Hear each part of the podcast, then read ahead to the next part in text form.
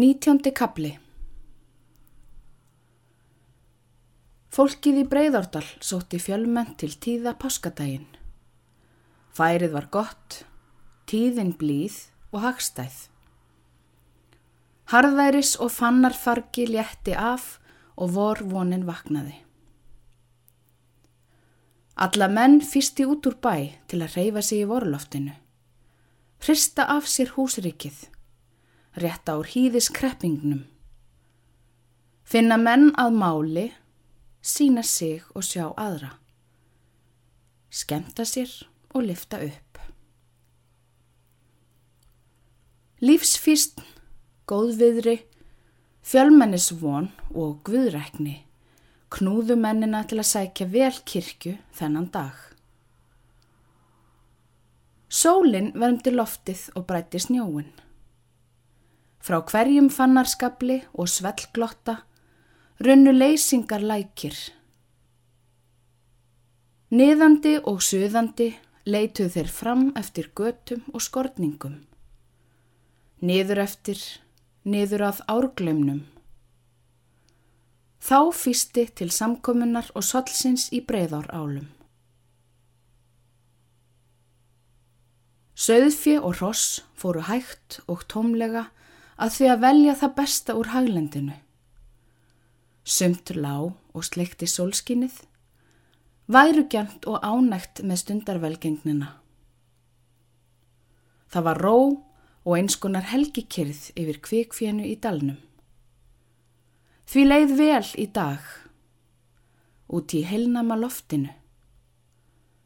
Það varð líka feigið frelsi, ljósi og sjálfræði.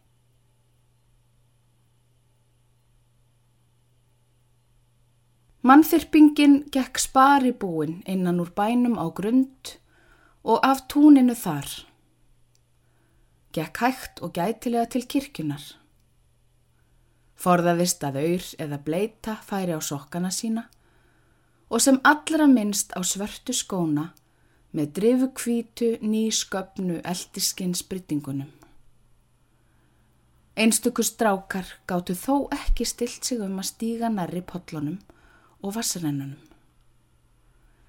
Þeir fengu líka flestar auðraslettur yfir skóna, upp á ristina svo sokkarnir dignuðu. En þeir ruttust eins einbeittir inn í kirkjuna fyrir því. Þetta var sannur gleði dagur fyrir þá. Í dag voru þeir lausir við að lesa fyrir prestinum og vonuðu eftir glímum á holnum norðan við bæin þegar lokið var messu. Ungustúlkurnar hugsuðu sér líka til hreyfings í dag. Að horfa á glímurnar, taka eftir ymsu, skrafa saman og frétta margt skrítið. Ef til vill komast einhver staðar að danskliði. Kirkjan var full af fólki. Í kórnum satt hver undir öðrum og krókbekkurinn var fullskipaður í dag. Menn sátu alvörugefnir og hátíðleir. Sér að Jósteinn lagði svo nákvæmlega út af Guðspjallinu sem nokkrum presti var und. Bóðaði mönnum fagnadarbóðskap, upprisu frelsarans með mörgum orðum. Dreifði rittningartilvitnunum með klerklegri snild hér og þar um alla ræðuna sem var skrifuð og gulnuð og máð nokkuð en hjartnæm og dyrleg líkt og hún hefði verið í eirum sapnaðarins nokkrum sinnum áður. Margur roskin maður var sá er fann höfuga ró færast yfir sig, kvíld og værð og megnan hitta. Andlit fjöldamargra urðu þunglamaleg og dráttar slök. Augnalokkin sigu niður, hægt og hægt. Höfuðinn nigu niður. Samvisku ró og helgi fríður löðuðu til sígandi sveps. Gamall bóndi tók upp pontuna sína, snýtti sér og tók rækilegan nefndrátt. Rétti hana að sessunaut sínum sem gerði slíkt til sama. Og nú komu baukar, dósir og pontur á loft. Nú var snýtt sér og tekið í nefið í bróðverni og sameginlegu félagi. Hnerrað af viðvanningum sem voru ekki fullnuma í síðunum og hnerrað aftur. Hnerrað í þriðja skipti.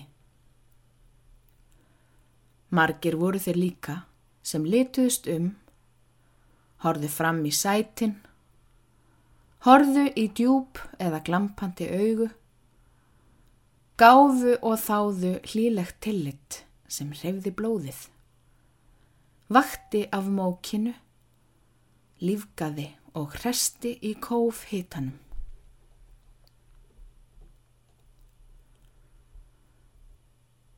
Gróu virtist germundi verða tíðlitið til þurriðar, eins og hanna grunaði lengi. Hún satt dreirrauð og kóf heitt, tapaði huganum frá ræðinni til hins allra heimslegasta ringsóls, þröngdi honum að ræðinni aftur. Vildi taka vel eftir og gat það ofur litla stund, tapað honum í gunur aftur. Óskaði að hafa setið heima. Óskaði margs annars. Færði sig til í sætinu og þurkaði sér með kvíta trafinu. Hlíti með kostgefni eftir því sem presturinn sagði um fögnuð kvennana forðum. Marju frá Magdölum Salóme og Marju, móður Jakobs, datt Marja Jóstensdóttir í hug og þurriður. Leit til germundar. Vist glafti hann á hana núna. Þau tóku vist ekki mikið eftir Guðsorði. Höfðu annað að hugsa. Gróa varp mæðilega öndinni. Hérðan af var ekki til neins að halda sér að ræðunni. Hún gat það ekki. Hugurinn stemdi aðra átt.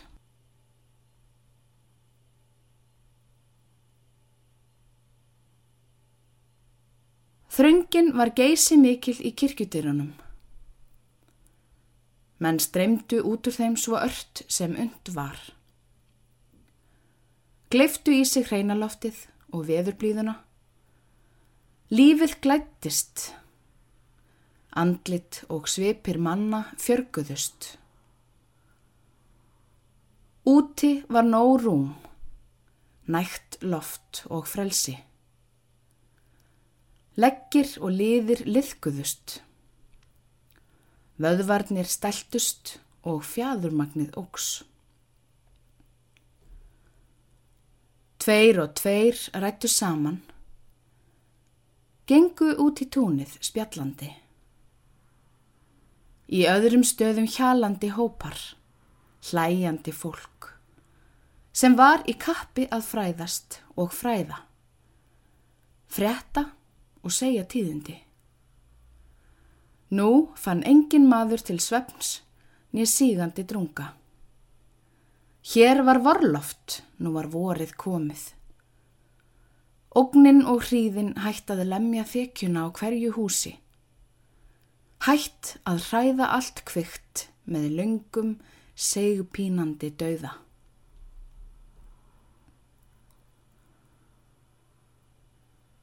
Germundur og Sveinbjörn gengu út í hestús, þar sem rauður stóð, snögghærður, selfeitur, kvasseigur og veðvasteltur.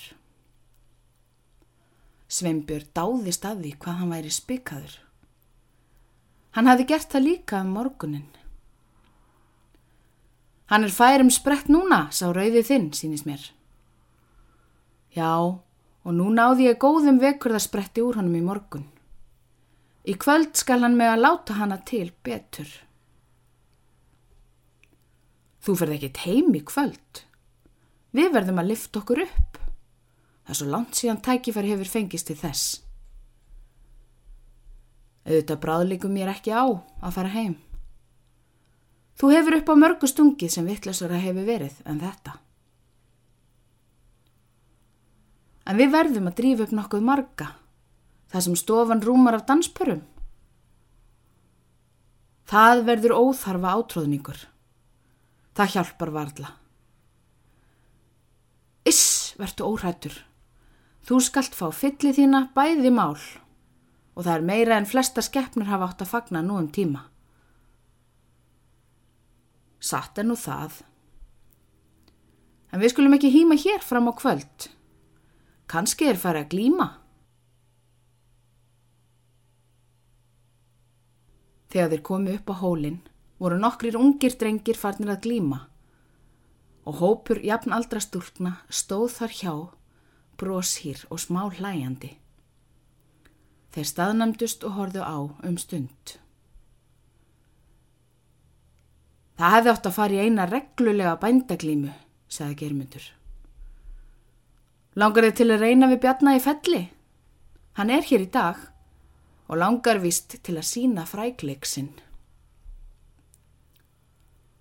Það getur ekki verið verri enn í fyrra. Hann er helviti sterkur. Það líklega ekki til neins. Satt er það, sterkur er hann. Hann hefur hælst um að leggja því í fyrra. Svo það er þá réttast að lofa honum hafa ánægjun af því að raupa aftur yfir sigrinum næsta ár. Tveir elstu og þregmestu drengirnir voru sendir til þess að smala mönnunum til glímunar. Skömmu síðar byrjaði regluleg bændaglíma og var kosið á nöppum. Sveimbjörn og Bjarni á felli voru bændur. Bjarni var fengsæll á knára liðið. Sveimbjörn var það treysta á germund ef Sigurs er þið auðið. Jafnframt og glímumannahópurinn stækkaði að því skapi fjölgaði á horfendum. Gróa valdi sér stöðu í mannringnum er stóð umhverfis glímuflutin. Gagvart þeim jósteinstætrum og þó lítið eitt skáhalt við. Glíman var sótt með fjöri og kappi fækkaði skjótt drengjum og í hinnu óknára liði sem glimti fyrst. Þá sendi Bjarni Svein bróður sinn fram og riðist germundur móti honum. Svein snaraði sér úr treyjunni en germundur fór ekki að fötum. Svein brá leggjarbræði og rasaði germundur við en fjall þó ekki á sömu svipan og hann réttist við. Kvarf glímuriðan og um leið vó hann svein upp á klófbræði og kom höfuð hans og herðar þyrst niður. Bjarni fölnaði og sendi Guðmund Ásbjörnarsson móti germundi og fjall hann á sveiblu. Þá sendi hann þórð í grundarkotti og glimti sveimbjörn við hann og fjall þórður á öfugu leggjarbræði. Eftir það glimdi geirmundur við bræður tvo frá slettabakka og feldi báða. Var þó annar þeirra rammur að afli og furðu torveldur. Þá varð óp mikið og hlátur í liði sveimbjarnar. Þótti mörgum geirmundur hafa ekið liði bjarnar drjúum á bug. Nú gengur Bjarni fram á glímuvöllin, snaraði frá sér treyjunni og mælti. Nú verð ég að fara. Það er ekki öðrum til að skipa. Þó til lítil sé fyrir mig, býst ég við, að reyna til að hefna ingóls á slettabakka. Geirmundur verður að blása mæðin áður, sagði Sveinbjörn. Honum skalf rómur. Best er íllu af lokið. Það er réttast að láta Bjarni ekki þurfa að býða mín þarna lengur. Varaði á kroknum, kvísleði Svimbjörn í eira germundar um leið og hann gekk fram á móti bjarna. Og um leið og þeir tóku glímutökunum, lagði bjarni hælkrokkin innanfótar. Germundur kiknaði við, en gat þó með hörkubröðum snarað sér svo til að bjarna slapp bræðið.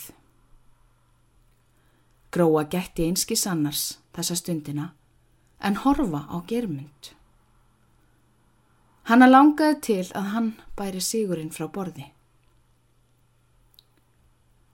Þá sveiplaði germundur bjarnar snögt til og brá honum til sniðglímu með svo skjótri sveipan að bjarni rauk þegar á nakkan og dunkaði í hólnum við fallið. Gróu var litið af germundi og til þurriðar. Sá að hún var föl og horði. Horði sem snöggvast í augu germundar um leið og hann gekk til félaga sinna. Og að þurriður dreirraðnaði við. Bjarni bauð germundi aðra glímu. En Sveinbjörn saði að núna væri þessari bændaglímu lokið, það yrði þá að kjósa í annað skipti. Eða glíma svona eins og hvert listir til, saði Bjarni. Vilt ekki komi aðra germundur? Ójú, það er ég til með. Um leið og þeir gengu til glímunar, herðu þeir að brandur á fossi sagði Helviti var það fallegt bráð og snarlega fyllt. Bjarni náði fljótlega kroknum, en germundur kiknaði nú ekkert við. Hvorur vildi sleppa bræðinu. Það var aflið, snarræðið og harkan sem hér hlaut að ráða leikslokum. Germundur var lægri vexti og jafn sterkari. Bjarni hærri meira á riðunum. Sterkari í herðunum með lotin háls og herðabungu. Báðir spyndu fast, mjökuðu sér til á öðrum fæti og reyndu að sveia hinn aftur á bakk. Þá gerði germundur snögt viðbrað. Bjarni tapaði bólmagninu, rauk aftur á bakk og germundur á hann ofan. Bjarni stóð senkt á fætur. Eitthvert ljótasta og nautslegasta bragð er krókurinn. Aftur var það brandur á fossi sem talaði. Helvít er germundur orðin knár og ágætlega snar, sagði Jón í svartólti. Við skulum fara í þá þriðju, sagði Bjarni. Það er best að fara heldur í aðra bændaglimu til. Rétt í eina.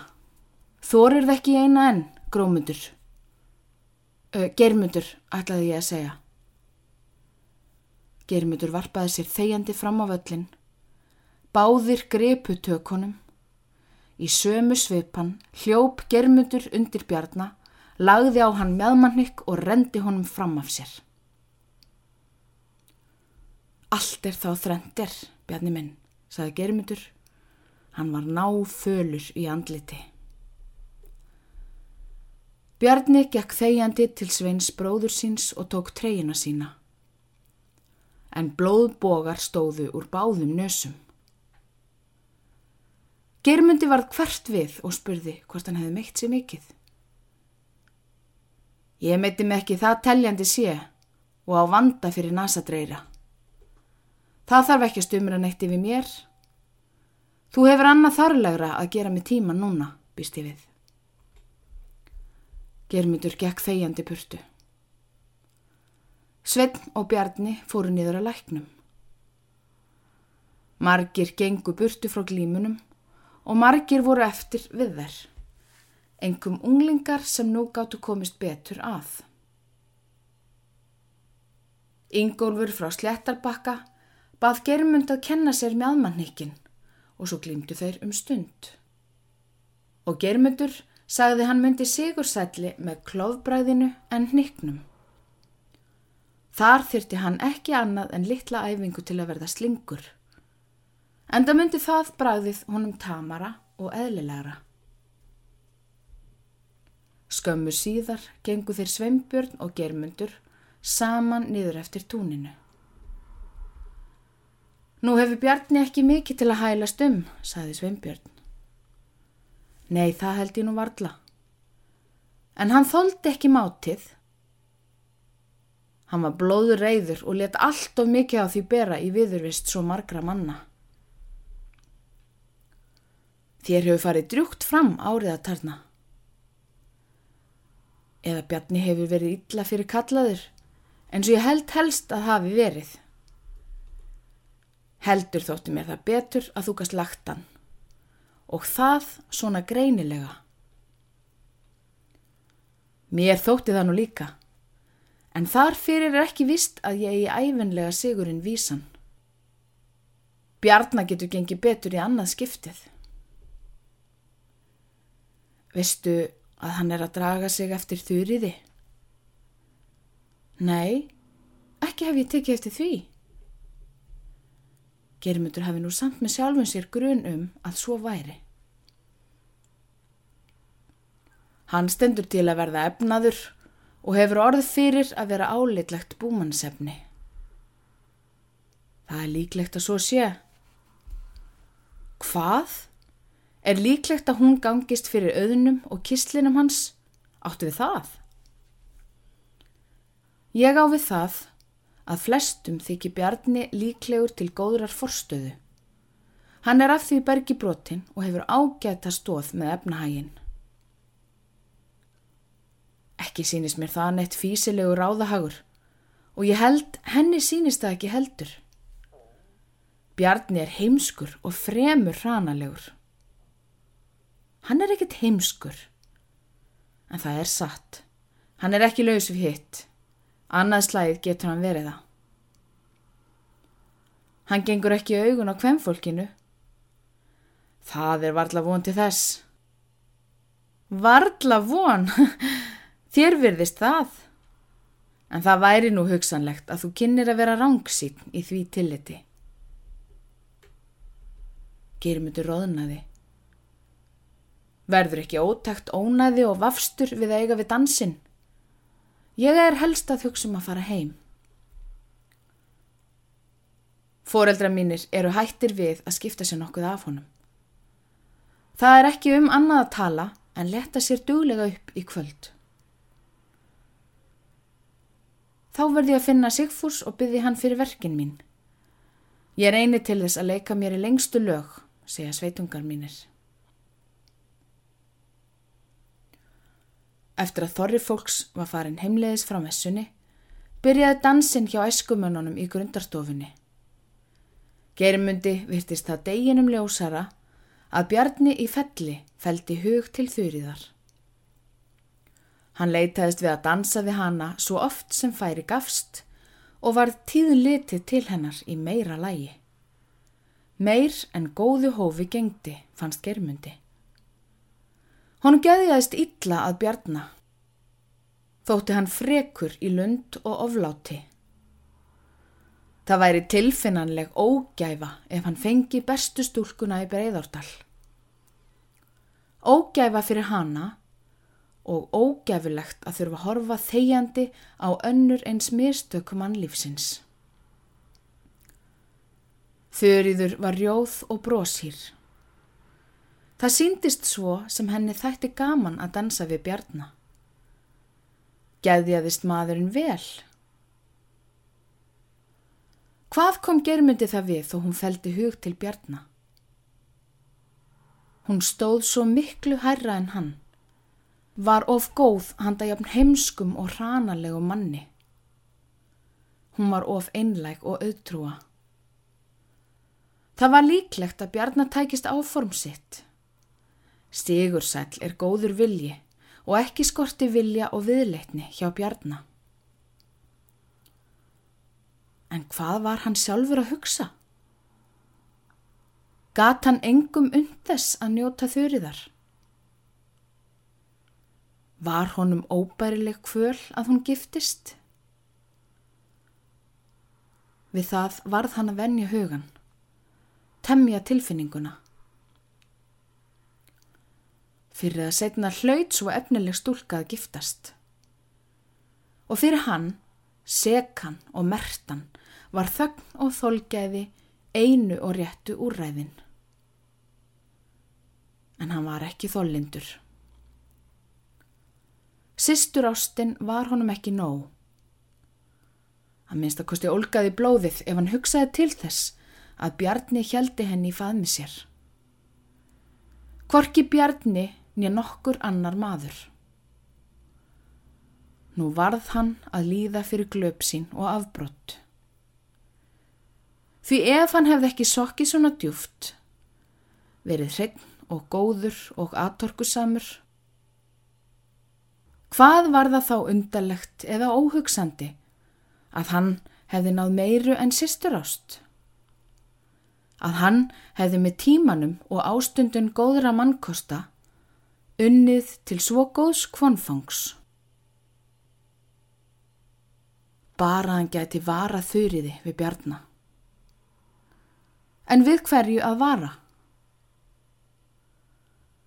Því fór hann ekki heim þetta kvöld. Það var þetta gamla ósjálfstæði, gleði löngun og hvenn elska sem reði málalokkum. En ef þurriði væri nú eins heitt um hjartarætunar á honum, ekki var tillit hennar í dag og kvöld ólíkt því Hún hefði fyrri litið til hans þeim augum sem gáttu gefið von. Mikil voða óstjórn bröstum í brösti hans. Þessi voru laun brjóstgæða hennar. Blíðlindis saklausrar vináttu. Hún kendi brjóstum hann, vildi leiða hann frá myrkrinu til ljósins og þá hugsaði hann svona illa og syndsamlega. Nei, Svo djúft var hann þó ekki sokkin en þá að hann tæki ekki í taumana við aðra eins óstjórn slíka fjärstæðis heimsku. Honum flög í hug að steipa bjarna á hausin, hlaupa burti úr stofunni, söðla rauð og ríða honum á rókspretti heim. Burt úr dalnum frá öllum ástriðunum sem þyrmdu yfir hann hér í áttögum hans rétt búin að slíta sig frá gróu og hlaupa svo tömlust með hug og hjarta til bestu og göfugustu stúlkunar í dalnum. Reyna sigrana, svíkja sig út eins og gallaklári hestaköpum. En var gróa ekki sig í að svona fór? Svona var gengið? Að einhverju leiti kannski kenna henni um, velta sökin af sér og yfir á hana. Nei, nú var ekki lengur sitjandi yfir slíkum hugrenningum. Hann var að verða ær og örvita. Þá var nær að dansa og hafa þóka átt á sjálfum sér. Germundur spratt á fætur, greip þórunni sýstur sína og snýrist fram á gólfið. Næsta par í ringnum var Bjarni og Þurriður. Hann ætlaði aftur að dansa við Þórinni næsta dans, en Sveimbjörn varð fljótari. Þau stigu fyrst fram á golfið, þá Bjarni og Þurriður og svo hinn önnur á eftir. Marja greip í handlegg hans. Það verður að taka þig, annars situr þau eða hangir einn eftir út í hotni. Það væri efnilegt með skemmtunina hérna í kvöld ef þeir væru eins hengilmænulegir og hinnir. Hún ló framann við hann. Þú ert samarítin eins og vandir. Því segi ég, margir reyna að breyta eftir honum en engi getur það svo orðsi ágerandi. Nefna bara hún marja litla á grund. Hún er til þess fætt og í heiminn komin. Svo tók hann danstökunum og þauð með hanna í loftinu fyrstu snúningana. Marju flög í hug að hann væri drukkin. en sá strax að það var þó ekki.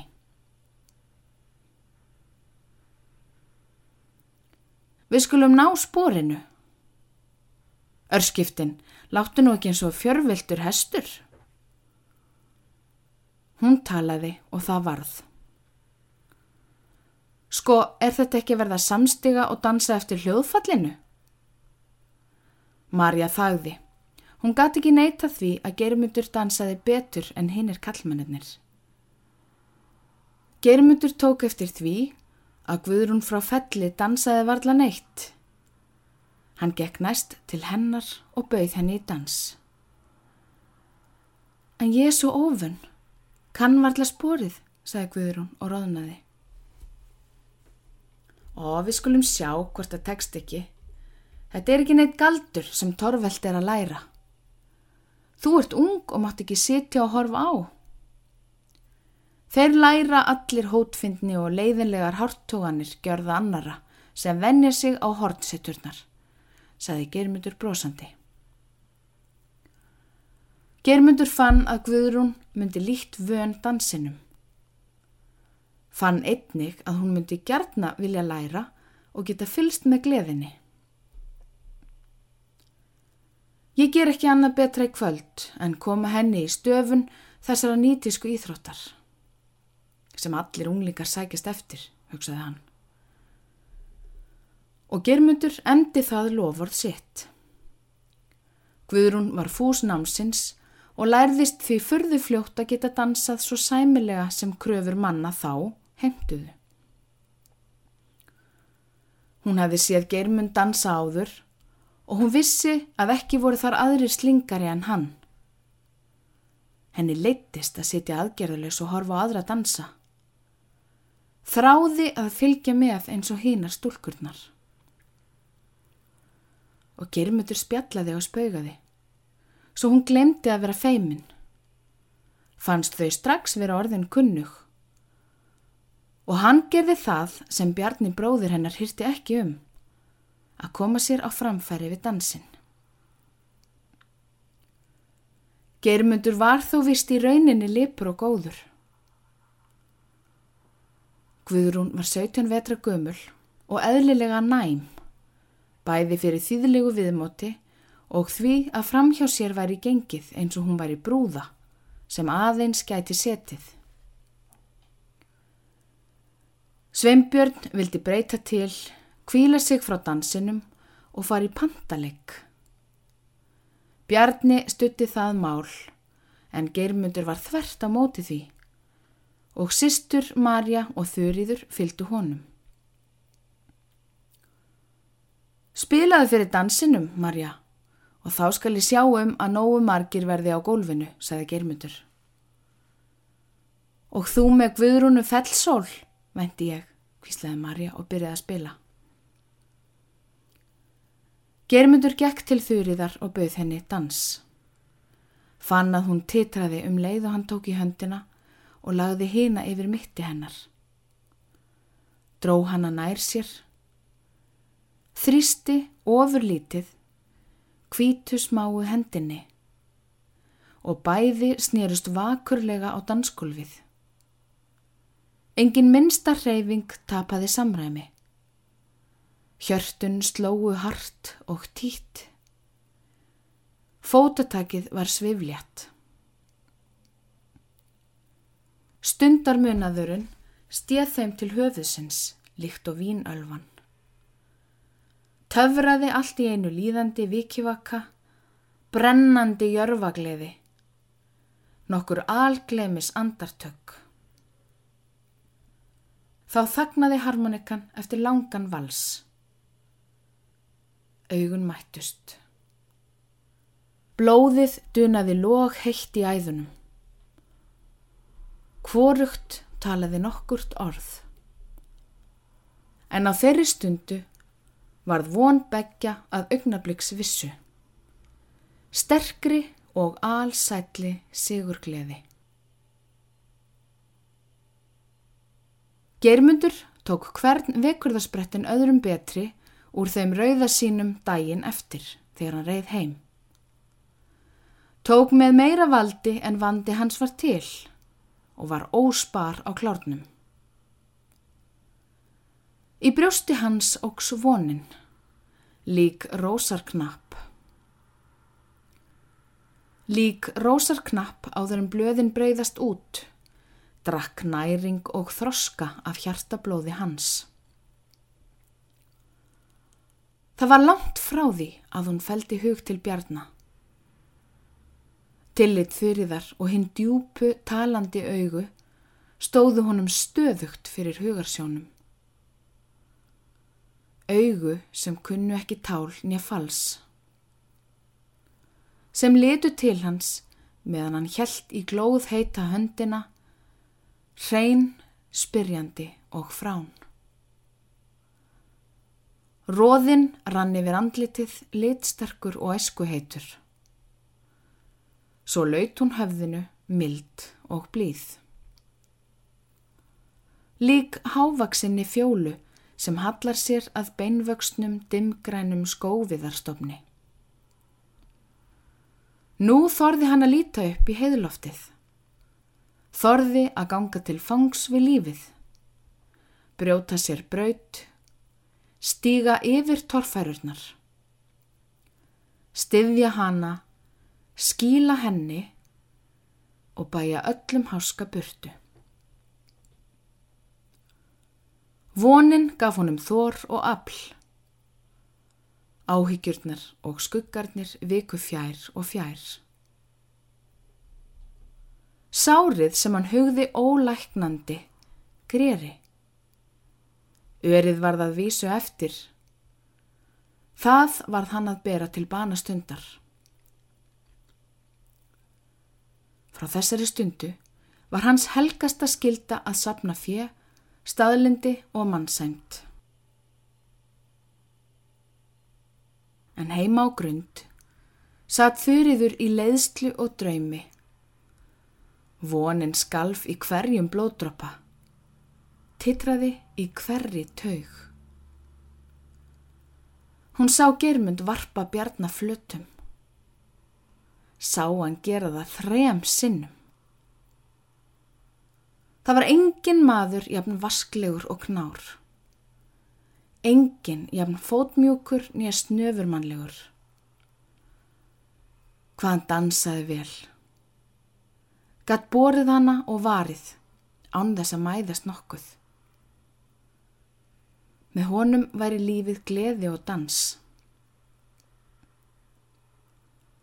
Ljómandi sterkleg og falleg var höndin sem gemdi hennar hönd svo mjúklega í lofa sínum. Stundin stutt sem hún titraði þar. En glampin í augunum. Hann var undarlegur, sterkur og óskiljanlegur.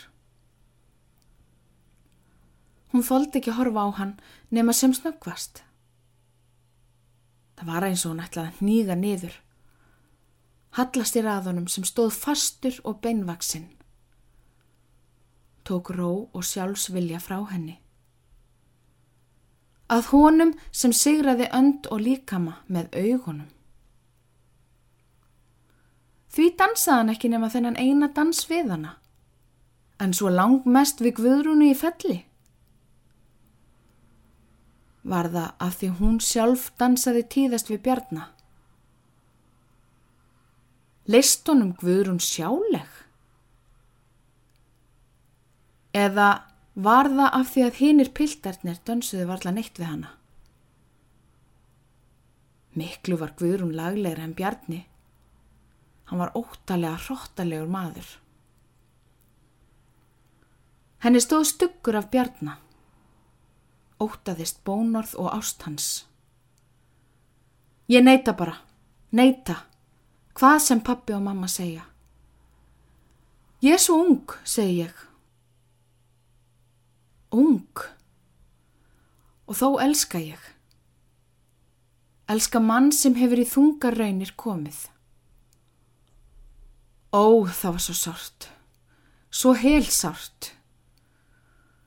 Því er öllu lokið nú og hann við liðið ótrúlega mikið. og hann getur ekki, þorir ekki að segja neitt. Svona svipur. Þessi augu. Ég veit það. Finn það. Hann er engin falsari. Honum er hjartans alvara.